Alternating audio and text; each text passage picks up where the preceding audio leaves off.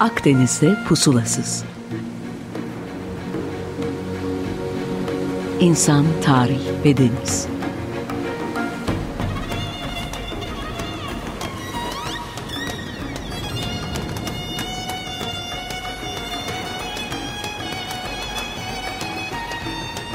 Hazırlayan ve sunan Sidar Duman. 95.0 Açık Radyo'dan herkese merhaba. Ben Sidar Duman. Bir hafta daha salı günü karşınızdayız. Fakat bu hafta yine tek başıma değil bir konukla program yapmayı tercih ediyorum. Ee, sevgili Oğuz Aydemir bugün bize katılıyor. Kendisiyle ilgili birkaç cümleyi söylemesi için mikrofonu ona bırakmadan önce e, bu çok ilginç e, programın ana konusunun güncel de bir konu olan Rusya ile bağlantılı olduğunu baştan belli etmek isterim. Evet Oğuz Bey hoş geldiniz. Buyurun. Günaydın merhaba. Ben Oğuz Aydemir.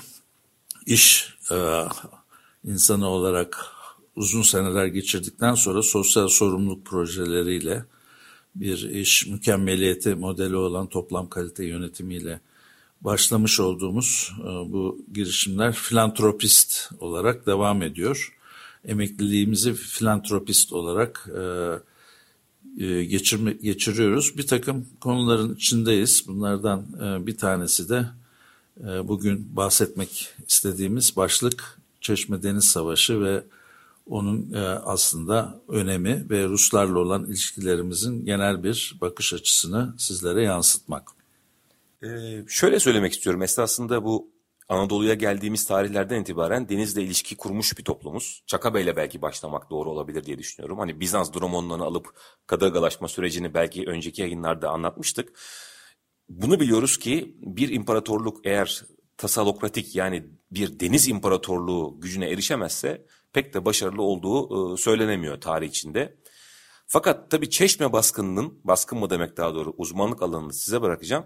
Ve silsile haline devam eden peşinden gelen Navari'nin belki Ahmet Vefik Paşa'nın donanmamızı Mısır'a gönderip teslim etmesinin ve tabii Sinop baskınıyla noktalandıracağımız bu tarihsel süreçte ders almamak mı nedir? Yani Çeşme Savaşı'ndan başlayarak bir özet geçer misiniz bizlere?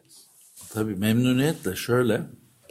Tabii Çeşme'ye olan ilgin bir aidiyet duygusuyla orada e, evim olduğu için e, ve Çeşme'nin e, dünya literatüründe, tarih literatüründe çok çok fevkalade önemli bir yeri var. E, Kuzey komşumuz Rusların e, üçüncü e, Petro'yu yatakta e, kocasını öldürüp iktidarda e, bulunan ikinci Katerina'nın aslında Alman asıllı olma gerçeği ve aynı zamanda e, bu dönem içerisinde birkaç kere e, düzenlenmiş olan ayaklanmalar onu belirli bir e, yere doğru getiriyor. Bunlardan bir tanesi de e, aslında denizci olmayan ve iyi bir donanması olmayan bir ülke ve fakat 18. yüzyılın en kuvvetli donanması ve dünyanın her yerinde başarılarla yetiştirmiş olduğu amirallerin iyiliğiyle bir denizci millet olan İngiltere ile işbirliği yapmayı yeğliyor. Ve batmayan güneş imparatorluğu diye tabir ettiğimiz 18. yüzyılın gerçek anlamda çok e, bir numaralı ülkesi İngilizlerle işbirliği yapıyor ve Kronstadt'tan e, çıkarttığı donanmayı İngiltere'ye e, Portsmouth'a ve e, iki yerde daha gemilerini alıp onların amiralleriyle birlikte Cebeli Tarık'tan geçip yine Akdeniz'de işbirliği yaptığı Malta'da e, ve İtalya'da e, bazı şehir devletleriyle işbirliği yapıp yine lojistik imkanlarını geliştirip Mora'daki Ortodoks azınlığı ayağa kaldırmak suretiyle güneyden bir e, sarma yapıyor ve o dönemde Fransızlarla olan yakın ilişkisi Osmanlı İmparatorluğu'nun ve onlara tanınmış olan kapitülasyonlar dolayısıyla da tabii işin başka bir boyutu e, güncelleşiyor o zaman.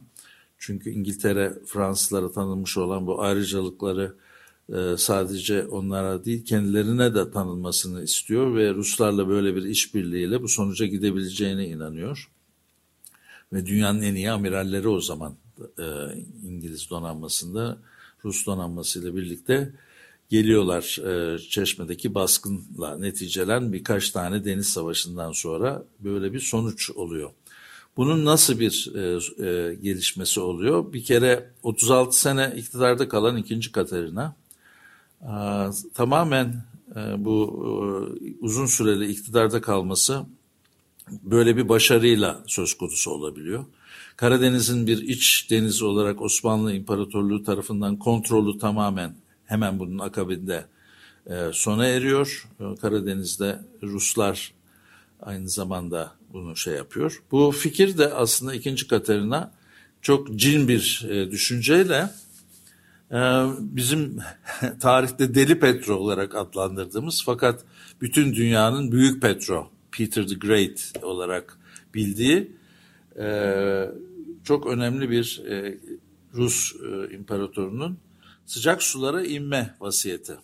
E, bugün de pek bir şey değiştiğini söyleyemiyoruz doğru mu? Doğru tabii. İnsanların hayatında e, 50 sene 100 senin e, tabii ki önemi var. Fakat devletlerin hayatında 50-100 senenin hiçbir e, önemi yok. Onların uzun vadeli strateji ve hedefleri bugün için hala geçerli. Demek ki e, son 200-300 senedir Rusya sürekli olarak sıcak sulara geçme ve inme e, politikasını hala sürdürüyor. Ve nitekim son senelerde onların Suriye'de, Libya'da bulunmalarını da başka şekilde zaten izah etmek söz konusu olamaz.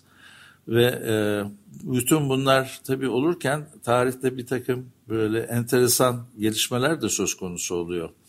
Mesela İngilizlerle işbirliği yapmak suretiyle Çeşme'ye kadar gelen Ruslar Karadeniz sayfası açıldığı zaman e, Amerikalılarla işbirliği yapıyorlar. Bu da tarihin unutulmuş belki gözden kaçmış bir e, boyutu. O zaman ikinci Katerina'yı ziyarete giden Benjamin Franklin ve o zaman Amerika'nın konfederasyon temsilcileri Fransız desteğiyle İngilizlere karşı e, mücadele ediyorlar. Ve e, tamamen İngiltere'nin bir kolonisi e, durumunda bulunan bu konfederasyon 14 e, e, devletten teşkil ediyor. Ve Fransızlarla görüştükten sonra e, herhangi bir şekilde Rusların İngilizlerle işbirliğine belki engel olabiliriz bir şey, gidip görüşelim dedikleri ikinci Katerina birinci safhada İngiliz komutanlarla ben başarıya ulaştım. Şimdi Karadeniz gündemde. Dolayısıyla benim sizden e, karşılıklı olarak yapacağım bu görüşmelerin sonunda da yegane talep edeceğim şey bana e, amiral e, verin diyor. Konfederasyonun da e, bir tek amirali var. O da bugünkü Amerika Birleşik Devletleri'nin kabul edilen ilk amirali. John Paul Jones.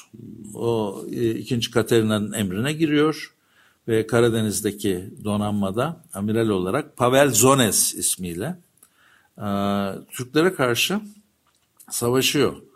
Kendisi aslında bir İskoç, e, İngilizlerle olan e, bir takım irtibatların olumsuz gelişmesiyle kendisini Amerika kıtasına atıyor. Babası öldürülüyor İngilizler tarafından ve e, o zaman süreci içerisinde Fransızların vermiş olduğu bir Bonhomme Richard diye isimlendirdikleri bir basit ticari gemiyi savaş gemisine dönüştürüyor Amerikalılar ve konfederasyonun ilk savaş gemisi ve konfederasyonun ilk amirali olarak görev alıyor. Ve bu ikinci dönem Ruslarla olan savaşta da Cezayirli Gazi Hasan Paşa ile göğüs göğüse Karadeniz'de savaşları var ve John Paul Jones'un anılarında bu e, detaylı bir şekilde anlatılıyor. Yani bir anlamda e, İskoç asıllı, Amerikan ve aynı zamanda Rus e, ve Osmanlı İmparatorluğu'nda e, çok önemli deniz savaşlarında karşımıza çıkan bir e, engel olarak da gündeme geliyor. Bu da e, enteresan bir boyutu olayın. E, Çeşme Deniz Savaşı'nın çok önemli bir başka boyutu gözden kaçmış olabilir ama e, bu Amerika'da e, 1776 4 Temmuz Bağımsızlık Deklarasyonu'nun temel bir takım sloganları var. Eşitlik, kardeşlik, hürriyet, adalet, laiklik gibi. Daha sonra bu 1789 Fransız ihtilaliyle Avrupa'ya geçiyor. Yine adalet, eşitlik, kardeşlik, laiklik gibi ilkelerle bize 1908'de ikinci meşrutiyetle çok kısa süreli bir şekilde geliyor. Ama bir e, şekilde bakıyorsunuz Rusya'da e, adalet, eşitlik, kardeşlik, hürriyet gibi sloganların hiçbirisinin olmamasına rağmen 18. yüzyılda e, 2. Katerina'nın sanata, kültüre vermiş olduğu olağanüstü önem dolayısıyla bir şekilde batıdaki bu aydınlanma döneminde fotoğrafın içine giriyor. Bu çok enteresan bir şey. Çünkü tesis etmiş olduğu bir takım Diderot'la, Diderot'un kütüphanesini alıyor ve Fransız devriminin düşünürlerinden Voltaire'le Jean-Jacques Rousseau'yla bir takım ilişkiler kuruyor. Ee, ve onlar tabii Fransız devriminin esas felsefi düşüncelerine sahip olan insanlar olması dolayısıyla e, kültür ve sanat alanındaki o hamleleri e, çok dikkat çekici bir şekilde 18. yüzyıla damga vuruyor. Yani bugün Hermitaj'da kuyruklarla işte sıraya girip gezmeye kalktığınız zaman e, her bir eserin önünde bir dakikanızı e, geçirseniz aşağı yukarı 24 seneye ihtiyacınız var. 24 sene kalmak suretiyle böylesine bir inanılmaz bir koleksiyonlar oluşmuş oluyor. Dolayısıyla aydınlanma dönemi ve Rusya diye olaya bakarsanız bir de Osmanlı İmparatorluğu'nun konumu itibarıyla 18. yüzyılda tabi bu e, Osmanlı İmparatorluğu'nun henüz daha e, zor durumların içerisinde olduğu bir dönem olarak akıllarda kalıyor. Ve tabi orada e, bir unutulmaması gereken bir konu da ehil olmayan ellerle yönetilen bir donanmamız var. Hüsamettin Paşa uzaktan yakından bu işlerle alakası yok. Ne zamanki Cezayirli Gazi Hasan Paşa e, kaptanı derya olarak ilan ediliyor Çeşme hadisesinin hemen akabinde. E, ondan sonra bir donanmada bir toparlanma, bir silkinme ve bir takım hamleler yapılıyor. Ve ilk defa e, Deniz Harp Okulu 1773 tarihiyle birlikte devreye giriyor. E, yurt dışında insanlar e, gönderiliyor. Fransızlarla e, işbirliği yapıp e, öğretmenler geliyor ve aynı zamanda mühendishane Bahri Hümayun tabir ettiğimiz bugünkü modern anlamda İstanbul Teknik Üniversitesi'nin de temelleri o zaman atılıyor.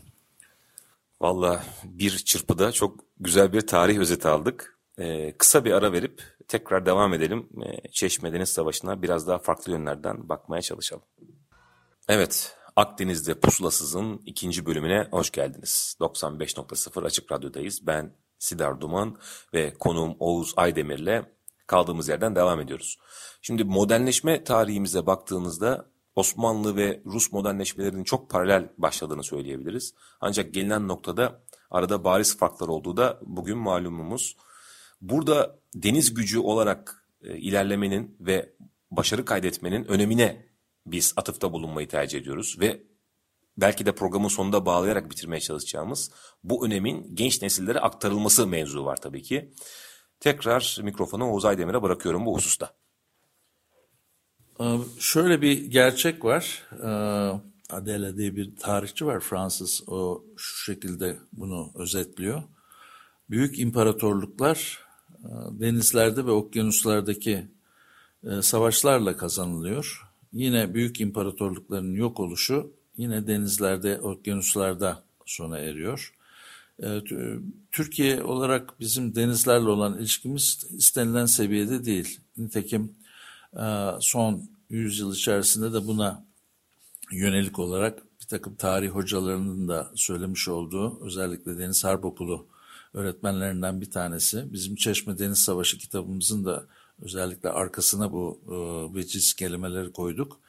E, Türkler ya e, denizci olacaklar ve Anadolu topraklarının yanı sıra bu denizlere sahip çıkacaklar veyahut da eninde sonunda yine Orta Asya'nın kızgın çöllerine dönmek mecburiyetinde kalacak diye böyle bir veciz şey yapıyor. Tabii çok sert ve e, anlamlı bir söz ama bizim denizlerle olan ilişkimiz hala uzaktan bakıyoruz. Biz de, tam anlamıyla bir denizci bir millet olduğumuzu söyleyebilmek mümkün değil. Aşağı yukarı bizim ilk deniz savaşımız e, ve ilk e, Anadolu beylikleri zamanındaki Çaka Bey'in Bizans'a karşı işte 1085'te kazanmış olduğu Koyun Adaları Savaşı'ndan bu yere bak baktığımız takdirde bin senedir henüz e, bir denizci bir millet olduğumuzu söyleyebilmek mümkün değil. Son zamanlarda Mavi Vatan sloganıyla çıkan bir takım şey, e, konulara çok ilgi arttı. Ama yine de e, denizlere olan ilgiyi bir türlü yeterince olması lazım gelen bir seviyeye getirebilmiş değiliz. Bunu da yapmakla mükellefiz. Eninde sonunda bu işi başarmak durumundayız. Nitekim herkesin tabii bir görevi var. Ben de bunu kendime görev telkin ettim ve 30 Mayıs'ta İzmir'deki fuar alanındaki İzmir Müzesi'nde Çeşme Deniz Tarihi ve İzmir Deniz Tarihi'nin 3 amirali, 3 efsane amirali diye bir sergi düzenliyor. Burada hem e, Cezayirli Gazi Hasan Paşa'yı hem e, Çaka Bey'i ve ikisinin de tam ortasında tarih itibarıyla Mezomorto Hüseyin Paşa'yı ön plana alıyoruz. Mezomorto Hüseyin Paşa Cezayirli Gazi Hasan Paşa ve Çaka Bey kadar çok popüler bilinen bir isim değil. Oysa ömrü boyunca yapmış olduğu tüm deniz savaşlarını kazanmış ve Ege'de özellikle 17. yüzyılın son zamanlarında 7-8 e, kere Venedik donanmasıyla e, olağanüstü başarı gösterip e, zaferle çıkmış ve sadece başarıları denizdeki savaşlarda olmamış, ömrünün son zamanlarında da bir islahatname ve donanmanın yeni baştan tanzim edilmesiyle ilgili prensipleri bir bir şekilde kanunname olabilecek bir şekilde e, hazırlamış. 1701'de vefat ettiğinde de bu hazır olmuş fakat uygulaması kendisinin ölümünden sonra gerçekleşme e, noktası da gelmiş. Bu Mezomortu Hüseyin Paşa'yı da bu şekilde yapmış olduğu deniz savaşlarıyla ve Venedik'e karşı vermiş olduğu e, enteresan bir ömrü var. Ve İtalyanlar tarafından Tabi İtalya yok o zaman. Sadece şehir devletleri var. Ve e, aynı Trafalgar'da e, Amiral Nelson gibi bir türlü e, ölmesi zor olan yarı ölü anlamına gelen Mezomorto ismi verilmiş. Hakikaten hayatı baştan sona kadar başarılarla dolu ve layık olduğu e, şana şöhrete e, bir türlü e, ulaşamamış birisi liyakat hep bizim başımıza bela olmaya devam etmesin artık sevgili dinleyiciler. Evet, liyakat konusunda da özellikle bu hazırlamış olduğu e, nizamnamede var. E, çok önem veriyor akrabaların, yakınların denizde olmaması gerektiğini, hakiki anlamda denizcilerin bir arada bulunması. Neyse bu konuyu en azından biz halletmişiz e, Cumhuriyet döneminde. Ve Mezamorto Hüseyin Paşa e, yine bizim garp ocakları diye tabir ettiğimiz aynı Cezayir Gazi Hasan Paşa gibi kendisi de Cezayir bazı garp ocaklarından e, ve iki kere kaptanı derya oluyor. Hem e, aynı zamanda Tuna boyunda Osmanlı donanmasının başına geçiyor. Dört padişah zamanında hizmet görüyor Osmanlı İmparatorluğu'nda ve hakikaten çok görkemli, çok başarılı yıllar geçiriyor ve e, tabii onun özellikle Cezayir'deki e, Fransızlara karşı vermiş olduğu mücadele de çok çok enteresan. Kısacana bahsetmek istiyorum ondan. E, Cezayir tabii her şeye rağmen bir korsan e, e, şehri ve e, korsanların e, cirit attığı ve Fransızlarla kapitülasyon anlaşmaları ve karşılıklı anlaşmalarla tabii Akdeniz'de serbest hareket etmeleri söz konusuyken e, Cezayir'den çıkan e, insanlar bazen Fransız gemilerini müsaade ediyorlar. Ve e, sadece gemi müsaade etmekle kalmıyorlar. Gemilerdeki insanları da esir pazarına sürüklüyorlar. Tabii bu özellikle 14. Louis sırasında e, çok büyük şiddetli friksiyonlara sebebiyet veriyor ve 14. Louis'nin emriyle Fransız donanması Cezayir'e geliyor birkaç kez. Bunlardan e, bir tanesinde e, Cezayir'i bombalamaya başlıyor Cezayir limanını. Ve e, bir ara sessizlik olduğu zaman o zaman e, dayılar dayı dediğimiz Hasan dayı orayı yöneten valiler gibi düşünelim onları. Dayılarla idare ediliyor garp uçakları. Ve e, Hasan dayı işte gemiye çıkıyor e, ve Fransız amiralle görüşüyor bombalamayı durdurmasını ve e, aynı şekilde e, esirleri iade etmeye hazır olduğunu söylüyor. Fransız amiral de onun bu şekilde yeterli olmayacağını aynı zamanda ciddi bir tazminat talep ediyor. Hasan dayı Mezamorto Hüseyin Paşa'yı rehin olarak gemide bırakıp sahile çıkıp parayı toplayıp getireceğini söylüyor. Fakat bir türlü gelmiyor. Mezamorto, e, Mezamorto Hüseyin de e, gemide Fransız amiralin e, rehine olarak öyle uzun bir zaman geçirdikten sonra o diyor ki madem ki gelmedi ben gideyim bu işi becerebilirim. En kötü ihtimal ben de gelmediğim takdirde Cezayir limanını bombalamaya devam edersiniz diye ikna ediyor. Dukius diye bir amiral Fransız ve karaya çıkıyor. Ee, ilk yaptığı şey Hasan dayı katletmek oluyor tabii. Ondan sonra ve e, Cezayir'deki e, Fransız konsolosu, temsilcisi onu topun içine koyuyor. Bu e, büyük çaplı o zaman Osmanlı topu ve e, onunla Fransız gemisine doğru e, ateşliyor ve hakikaten ciddi bir çarpışma olup Fransızlar orayı terk etmek zorunda kalıyor.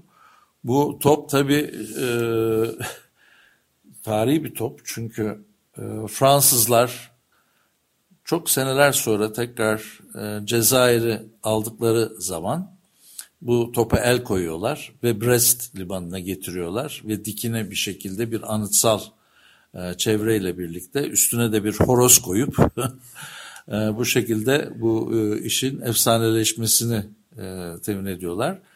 Cezayir bağımsızlığa kavuştuktan sonra Fransızlardan bu topu e, geri istiyor. Fakat Fransızlar onu vermiyor. Cezayirliler de onun bir benzerini Cezayir'de tutuyorlar. Bugün dahi bunu görmek mümkün. Böyle de bir enteresan işin boyutu var.